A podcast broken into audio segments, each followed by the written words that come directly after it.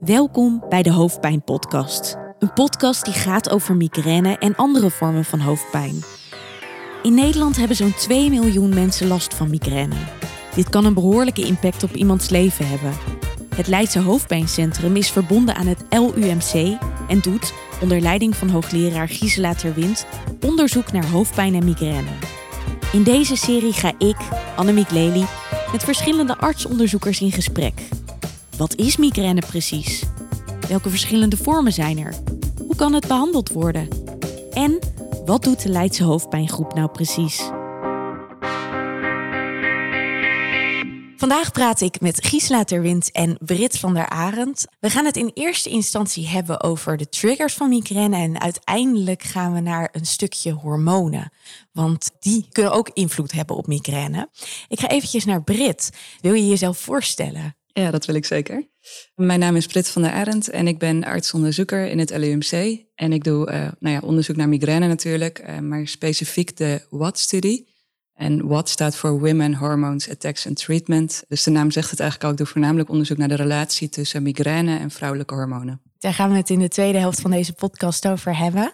Ik uh, wil eerst eventjes naar de triggers. Want we hebben het er in de vorige podcast met Irene de Boer al kort eventjes over gehad. Maar wat zijn nou bijvoorbeeld triggers voor migraine? En ik kan me voorstellen dat dat een hele algemene vraag is. Ja, zeker. En ook een vraag die heel vaak door patiënten wordt gesteld. We hebben hier in het verleden een grote vragenlijststudie naar gedaan met meer dan 7000 uh, mensen die daarop hebben gereageerd. En nou ja, er komen een heleboel triggers naar voren, maar menstruatie is veruit de meest gerapporteerde. En dan natuurlijk alleen vrouwen rapporteren die trigger, maar maar liefst 60% van alle vrouwen rapporteerden dat menstruatie eigenlijk de meest uitlokkende factor is om een migraineaanval te krijgen. Dus eigenlijk maken we al meteen een bruggetje naar de hormonen. Maar ik kijk ook nog even naar Gisela. Wat zijn nou andere triggers die er kunnen zijn als het gaat over migraine? Ja, wat ook heel veel genoemd wordt, is uh, alcoholinname. En we hebben daar ook een keer een apart studie naar gedaan, waarbij we zelfs gevraagd hebben wat voor een alcohol. En het is heel opvallend dat mensen dan heel vaak rode wijn de schuld geven. Dus rode wijn meer dan witte wijn en uh, sterke dranken minder. Maar dat ze ook kunnen komen omdat uh, natuurlijk al in het algemeen minder sterke drank uh, drinken. Maar er is dus al heel lang wordt gedacht dat rode wijn misschien een uitlokkende factor kan zijn. Maar je weet nog niet precies wat dat dan is nee, in rode nee, wijn. Nee, en er zijn wel, uh, er, er, wordt soms gezegd dat zijn dan de tannines in de rode wijn, die dan niet in de witte wijn zouden zitten. Uh, maar heel precies weten we dat niet. Dus alcohol wordt vaak genoemd. Tegelijkertijd, een kater lijkt natuurlijk soms een beetje op een migraineaanval. Alleen ik denk dat migrainepatiënten zelf heel goed het onderscheid kunnen maken tussen een echte migraineaanval en een kater. Zeker, ik wel in ieder ja, geval. Ja. ja. dus je herkent dat ook vast uh, wel, dat uh, rode wijn het uit kan lokken of, of andere drank. Dus dat is wel iets waar we denk ik uh, aandacht voor moeten hebben en ook nog eens goed uit zouden moeten zoeken. Het is best wel lastig hoe je dat precies uit moet zoeken. En andere factoren die genoemd worden is uh, waar we het vorige keer over gehad hebben. Dus uh, slaaptekort en met name ook uh, als je transatlantisch vliegt. Dus als je ineens een omzet hebt van je, van je dag-nachtritme is een vaak genoemde trigger. Een jetlag. Een jetlag, ja. En stress wordt ook heel veel genoemd. En stress is een hele lastige, omdat ja, je kan natuurlijk acuut stress hebben.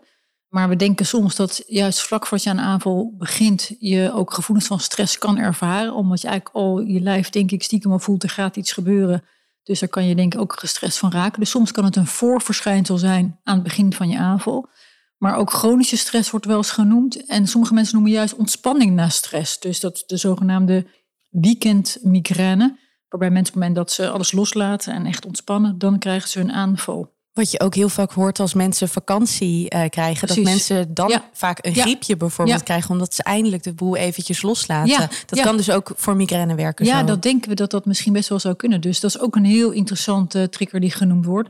Wat die weekendmigraine ook nog wel interessant maakt, is dat daar soms ook wel uh, het onttrekken van koffie even een rol in speelt. Dus als je door de week sta je vaak vroeger op en dan beginnen vaak mensen al met kopjes koffie. Sommige mensen drinken behoorlijk veel kopjes koffie uh, s ochtends. En als je dan in het weekend uitslaapt, dan kan het dus zijn dat je wakker wordt met hoofdpijn die zich zelfs kan doorzetten in een migraineaanval. Maar dat wordt dan feitelijk uitgelokt omdat je eigenlijk even kortdurend ontrokken bent van je cafeïne die je normaal veel vroeger inneemt. Dus dat is ook een uitlokkende factor die vaak wordt genoemd. Het onttrekken juist van uh, koffie. Um, andere factoren, Brit, die ook genoemd worden. Weet jij er nog één? Mag ik een persoonlijke vraag stellen? Want ik heb soms het idee dat bij mij, als het gaat over mijn migraine, dat weersverandering ook een rol speelt. Luchtdruk, zou dat kunnen? Ja, dat is alleen heel lastig te onderzoeken, maar dat horen we heel vaak. En met name hoogtes. Dus als mensen naar de bergen gaan, naar Oostenrijk gaan skiën, dan krijgen ze in één keer migraine omdat ze van hoogte veranderen. Dat is gewoon lastig te onderzoeken, omdat je dan moet weten waar mensen zich op dat moment bevinden, want het weer is overal anders. Je moet het goed monitoren door middel van een hoofdpijndagboek. Uh, dus ja, al die factoren gezamenlijk. Het zou een heel mooi onderzoek uh, zijn als we dat ooit kunnen aantonen. Maar... Ja, we zijn ook wel voorzichtig de eerste stap aan te zetten. Dus we houden heel veel patiënten houden voor ons hoofdpijndagboeken bij. Je kan de KNMI-data opvragen. Dus dan uh, kan je kijken hoe de, of er weersomslag was in Nederland. En dan kan je kijken of, uh, of de patiënten die toen toevallig een dagboek invulden, of die vaker een migraineaanval hadden. Maar het is precies wat Brit zei. Op dit moment weten we dan eigenlijk niet waar die mensen zich precies bevonden. Of ze ook echt wel in Nederland waren. Dus je moet eigenlijk en de locatie weten van iemand. En dan de weersomstandigheden op dat moment. En waarschijnlijk moet je ook andere uitlokkende factoren weten. Omdat het waarschijnlijk een complex van factoren is. Hè, die maakt dat je op dat moment een aanval krijgt. Dus je bent uh, en ongesteld en je hebt rode wijn gedronken. En je bent net op skivakantie en je zit net op 3000 meter hoogte. En dat kan dan net de uitlokkende combinatie zijn voor jouw aanval. Klinkt als een heel grootschalig onderzoek om al die dingen te kunnen monitoren en al die dingen mee te kunnen nemen. Er is natuurlijk gewoon nog werk aan de winkel. Dat is wat heel duidelijk is en dat is wat jullie met z'n allen aan het doen zijn. Ik ga nu de brug maken naar het hormonale aspect, want daar ben jij vooral mee bezig, toch Brit? Kun je daar iets meer over vertellen? Hebben hormonen invloed op migraine? Ja, het korte antwoord is ja. Maar ik ben er niet alleen mee bezig. We zijn met een team van vijf vrouwen. Uh, Gisela Terwind, Antoinette Maas van der Brink. En artsonderzoekers die nu al nou ja, klaar zijn met hun PhD. Maar hier ook een groot aandeel in hebben gehad. Dat zijn Daphne van Kaster en Iris Verhagen. En de WAT-studie, ja, nou ja, het geeft wel aan dat we dus al drie PhD'ers op het project zetten. Het is een enorm grote studie.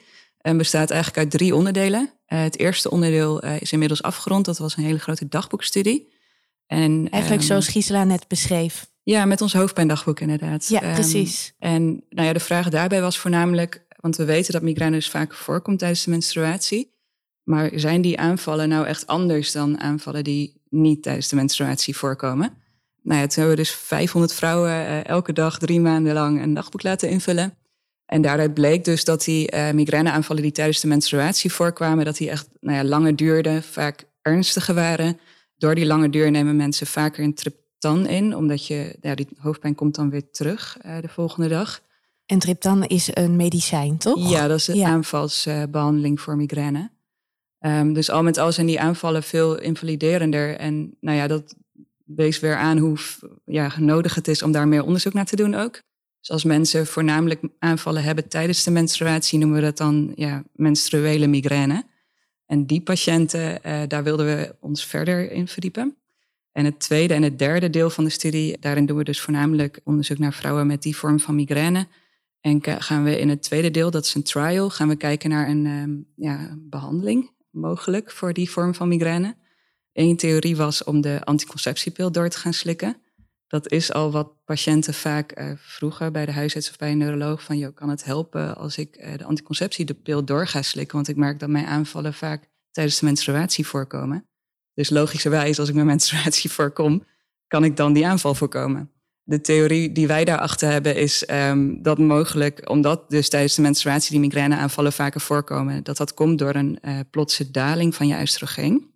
En met die anticonceptiepil proberen we die plotse daling eigenlijk te voorkomen, te stabiliseren. Dus je houdt de hormoonhuishouding dan stabiel. In ieder geval je oestrogeen en je progesteron. En nou ja, de, dat is dus de theorie achter de anticonceptiepil. En uh, die wilden we dus testen in een grote studie, de WAT trial. Wat grappig hè, dat dan eigenlijk zoiets als de anticonceptiepil er al is. Voor iets heel anders gebruikt wordt, maar dus wel invloed kan hebben op iets als migraine. Ja, dat vragen ook heel veel patiënten. We zijn eigenlijk dit onderzoek gestart omdat patiënten die komen ons op de poli. En dan zegt zo'n vrouw, uh, ja, denk je dat het zinvol is om misschien de, de pil te gaan gebruiken? En zal ik die dan uh, doorslikken of moet ik een stopweek doen? Denk je dat het helpt voor mijn migraine? En toen zeiden we van, ja, we weten eigenlijk het antwoord daar niet goed op. En als de pil nou heel onschadelijk was, dan zou je zeggen, nou probeer het gewoon. En dat gebeurt in de praktijk ook heel vaak. Alleen, ik denk dat we moeten beseffen dat de anticonceptiepil niet gratis is. Er zit ook bijwerking aan. Dat is ook wat veel jonge vrouwen rapporteren. Waarom jonge vrouwen tegenwoordig soms wat terughoudend zijn om de anticonceptiepil te gebruiken. En dus vind ik, dan moet je eerst ook aantonen dat het daadwerkelijk werkt. Het is niet zomaar een snoepje, de pil. En daarom vonden we dat we, om antwoord te geven op die vraag, die bij ons dagelijks gesteld wordt op de poli, dat we deze studie moesten doen. Omdat er verschillende elementen een rol kunnen spelen in het krijgen van een migraineaanval, vraag ik me dan af, hoe weet je zeker dat je menstruatie invloed heeft op een migraineaanval? Ja, dat is een goede vraag. Ehm, we kijken daarbij echt naar eh, de periode rondom de eerste dag van de menstruatie. Dat ten eerste zo uh, klassificeer je eigenlijk zo'n menstruele aanval. Dus een perimenstruele aanval, zodat, zoals we dat netjes noemen. En dan gedurende drie maanden moeten in minstens twee van de drie maanden een migraineaanval tijdens de menstruatie zijn voorgekomen. En dan in de eerste dagen, zeg je? Of ja, het is eigenlijk twee dagen voor tot drie dagen na de eerste dag van de menstruatiebloeding. Daar moet die migraineaanval in vallen, hebben we ooit bedacht. Oh, wij niet internationaal is dat bedacht. ja, wij niet inderdaad. Ja, wel belangrijk om te zeggen. Ja, is ooit bedacht. En uh, nou ja, als een vrouw dus de diagnose menstruele migraine krijgt, dan moet dat dus aan de orde zijn. Maar waar we onlangs achter zijn gekomen is dat vrouwen dat zelf best wel moeilijk kunnen inschatten. We hebben aan vrouwen gevraagd van, denk je dat je zelf last hebt van menstruele migraine? En daarbij zei ongeveer 80% van, ja, ik denk dat ik daar last van heb. En 20% zei, nee, dat heb ik niet. Al die vrouwen lieten we een hoofdpijndagboek bijhouden. En wat bleek nou uh, van de 80% die zei van, nee, ik heb, oh ja, ik heb last van menstruele migraine, had uiteindelijk ongeveer 68% daadwerkelijk last van menstruele migraine op basis van hoofdpijndagboeken. Dus dan merk je dat mensen zelf al links leggen, die uiteindelijk, als je er echt op gaat monitoren, toch wat anders blijken te liggen dan dat ze van tevoren gedacht hadden. Nou ja, wat ook wel interessant was, die groep van 20% die dan zei: Ik heb het niet. Daarvan bleek hetzelfde percentage ongeveer wel een relatie te hebben. Kwam dat dan weer in verhouding? Ja, dus ik denk dat, uh, ik denk dat wij hebben eruit geconcludeerd dat uh, grofweg kan je zeggen dat twee derde van de vrouwen uh, aanvallen heeft, in ieder geval ook rondom de menstruatie. En dat het heel lastig is als je zelf, als je zelf patiënt bent, dan kan je het beste even een dagboekje een poosje bijhouden. Want dan weet je of het daadwerkelijk zo is. En even om terug te komen op het eerste over triggers. Dit geeft ook aan dat eigenlijk is een menstruatie toch een heel eenvoudig iets, toch? Je weet of je menstrueert of niet. Je zou zeggen, nou je kan ook heel makkelijk onthouden of je dan een, een migraineaanval had of niet. En zelfs voor deze hele harde trigger is het heel lastig om voor jezelf terug te halen als patiënt of er nou daadwerkelijk relatie heeft. Kun je nagaan als je ook nog denkt dat rode wijn of hoogtes of stress aanvallen uitlokken. En dat geeft dan weer aan waar we in het begin over hadden, dat als je echt goed onderzoek wil doen naar uitlokkende factoren voor je migraineaanvallen, dan moet je het eigenlijk als individu, als patiënt ook zelf goed bijhouden. En dan pas je in een relatie. En dan nog heb je misschien hele ingewikkelde statistische, wat we dan tegenwoordig noemen artificial intelligence. Hè, dus dan klinkt heel eh, hip. Maar dat zijn eigenlijk methodes waarbij je eigenlijk kijkt naar de hele complexiteit van factoren. Wanneer lokt het nou daadwerkelijk een aanval uit bij jou of niet? En ergens is het ook heel simpel, hè? zo'n dagboek bijhouden. Een hele goede tip voor de luisteraar ook. Ja, maar hou vooral dan een dagboek bij wat goed gevalideerd is en wat goed gebruikt wordt. En noteer er niet ook honderden dingen voor jezelf in, maar houd vrij simpel. Als je thuis eh, op een blaadje wil doen, kan natuurlijk ook, maar houd dan simpel voor jezelf. Ik hoor het ook van patiënten dat ze dat heel fijn vinden om bij te houden. En ja, we hebben nu in een app zitten, dus dan zien ze ook zelf hun overzicht uh, van de hele maand. En dan kunnen ze zelf dus goed bijhouden of hun behandeling bijvoorbeeld effect heeft gehad. En dat maakt het dan heel inzichtelijk ineens. Ja, ja dat krijgt hun meer, meer grip op hun migraine. Dat, dat hoor je vaak terug. Ja.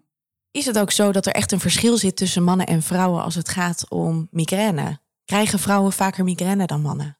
Ja, eigenlijk vanaf de puberteit zie je dat verschil ontstaan al nou ja, meisjes en jongens voor de puberteit hebben even vaak migraine. Uh, maar als meisjes in de puberteit komen, dan krijgen zij drie keer zo vaak migraine als mannen. Dus alleen dat al toont al aan dat, dat het veel vaker voorkomt. En tijdens de levensloop van een vrouw zie je ook veranderingen in migraine. Tijdens de zwangerschap bijvoorbeeld uh, komt migraine veel minder vaak voor.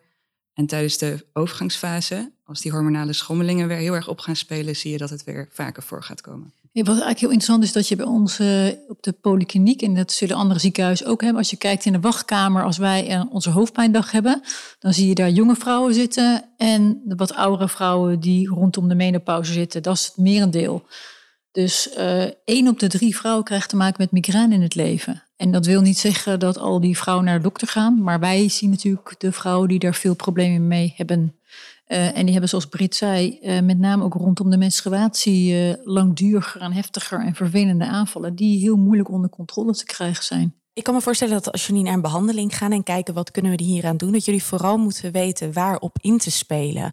Wat is het dan in die vrouwelijke hormonen dat wij als vrouwen eerder migraine krijgen dan mannen? Ja, dan komen we terug op de BOT-studie, eh, want dat weten we eigenlijk nu nog niet zo goed. We hebben wel dus een theorie dat het komt door de plotse daling van het oestrogeenvlak voor de menstruatie. Uh, maar met de WAT-studie gaan we hier beter onderzoek naar doen middels um, nou ja, het tweede en het derde deel, de hormoonmetingen.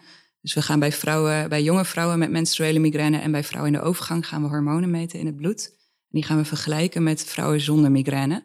Om te kijken van waar zitten nou die verschillen en wat kan nou mogelijk uh, de oorzaak zijn hiervoor. Het is niet zo dat we niet, niet al indicaties hebben ervoor. Hè? Want ik denk als je gewoon kijkt naar de levensfase van vrouwen, is precies wat Brit zei. Jonge meisjes die krijgen als ze in de puberteit komen meer migraine als jongens, omdat ze dan gaan menstrueren. En als vrouwen zwanger zijn, dan worden de hormoonspiegels eigenlijk hoger. Ontwikkel je meer oestrogeen en progesteron. En daardoor krijg je op een gegeven moment ook door een soort bescherming tegen migraine. Met name voor migraine zonder aura. Terwijl als je dan in de overgang weer komt als vrouw, dan gaan die hormoonspiegels enorm fluctueren. En dan zie je dus ook dat je migraineaanvallen toenemen. Dus eigenlijk als je kijkt naar de levensloop van een vrouw en wat er gebeurt met haar migraineaanvallen, dan kan je al een inschatting maken dat het iets te maken heeft met die hormoonveranderingen en waarschijnlijk vooral met uh, snelle pieken en dalen van die hormonen. En wij denken dat vooral oestrogeen, maar misschien ook de combinatie van oestrogeen en progestereen en de daling daarvan, dat dat het uit kan lokken. En de hormoonstudie is er heel erg op gericht om te kijken of we dat nog wat nader kunnen specificeren, omdat je dan misschien een ultieme uh, hormonale behandeling kan maken voor migraine, die heel specifiek is gericht om migraineaanvallen te voorkomen. Ik ben heel erg benieuwd, waar wil je naartoe? Wat zijn de mogelijkheden op den duur? Misschien dus die anticonceptiepil? Ja, Gisela zei het net al een beetje. Dus zo'n hormoonspecifieke migrainepil eigenlijk. Nou ja, dat zou misschien het verschil tussen mannen en vrouwen... wat er op dit moment is, kunnen wegnemen eventueel.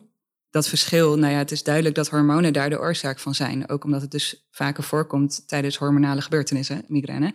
Dus mogelijk kunnen we uh, de enorme prevalentie in vrouwen wat terugschroeven met een hormonale behandeling. Maar goed, daarvoor zijn de hormoonmetingen hard nodig. Want anders weten we niet goed waar we precies op moeten ingrijpen op dit moment. Nee, en ook de praktische studie is heel belangrijk. Hè? En wat we nu gemerkt hebben, want we zijn nog steeds op zoek naar mensen die mee willen doen aan die hormoonstudie, waarbij we dus de anticonceptiepil heel systematisch gaan uh, proberen. En we merken dat er veel uh, jonge vrouwen zijn, maar ook veel vrouwen rondom de overgang, die al hormonale behandelingen hebben. Bijvoorbeeld uh, jonge meisjes gebruiken soms op jonge leeftijd de pil om te voorkomen dat ze zwanger worden of omdat ze bijvoorbeeld andere klachten hebben en, ze, of ze willen niet menstrueren een poosje. En hebben ze het een paar jaar gebruikt en dan hebben ze toch wel bijwerking en dan stoppen ze er dus weer mee. En dus die vrouwen willen dan nu niet meer opnieuw meedoen met ons onderzoek. Wat ik helemaal goed begrijp en wat ook weer aangeeft dat het niet zomaar snoepje is. Maar maakt het dus voor ons best wel lastig om deze studie uh, goed te volbrengen, om antwoord te geven op die vraag, terwijl het wel heel dringend nodig is. En voor die perimenopausale vrouwen geldt eigenlijk hetzelfde. We merken, we praten ook veel met gynaecologen en we zien dat veel vrouwen overgangsklachten hebben. En die gaan dan naar de gynaecoloog en die krijgen dan hormonale behandeling. Terwijl er dan eigenlijk te weinig aandacht is voor de migraine die ontspoort. En dus gynaecologen en neurologen en huisartsen zouden meer moeten samenwerken om naar het geheel te kijken als een vrouw in overgang zit. Welke klachten heeft ze dan allemaal daarbij? En daar speelt migraine dus een belangrijke rol eh, in. Waar kunnen mensen zich aanmelden? Stel dat ze dit horen en denken, ja, ik wil hier wel aan meewerken. Ja, dat kan heel makkelijk via onze website. Daar staat ook meer informatie op hoor, over de studie. Maar dat is www.watstudy.nl met W-H-A-T. En daar is een aanmeldformulier te vinden, eh, maar ook een e-mailadres. Eh, en study is met een Griekse ei, dat is misschien ook al goed, want ze zeggen echt op ja, zijn Engels het is op zijn Engels, ja, precies. dat is ook een goeie. um, nee, maar dus, dus daar kunnen mensen naartoe, ook als ze vragen hebben over de studie. Uh, dan sturen wij ze informatie. Nou, dank jullie wel. Graag gedaan. Graag gedaan. Deze podcast werd gemaakt in opdracht van het Leidse Hoofdpijncentrum, verbonden aan het LUMC. De presentatie en inhoudelijke montage is in handen van Annemiek Lely. De eindmontage en mixage werd door popuppodcast.studio gedaan.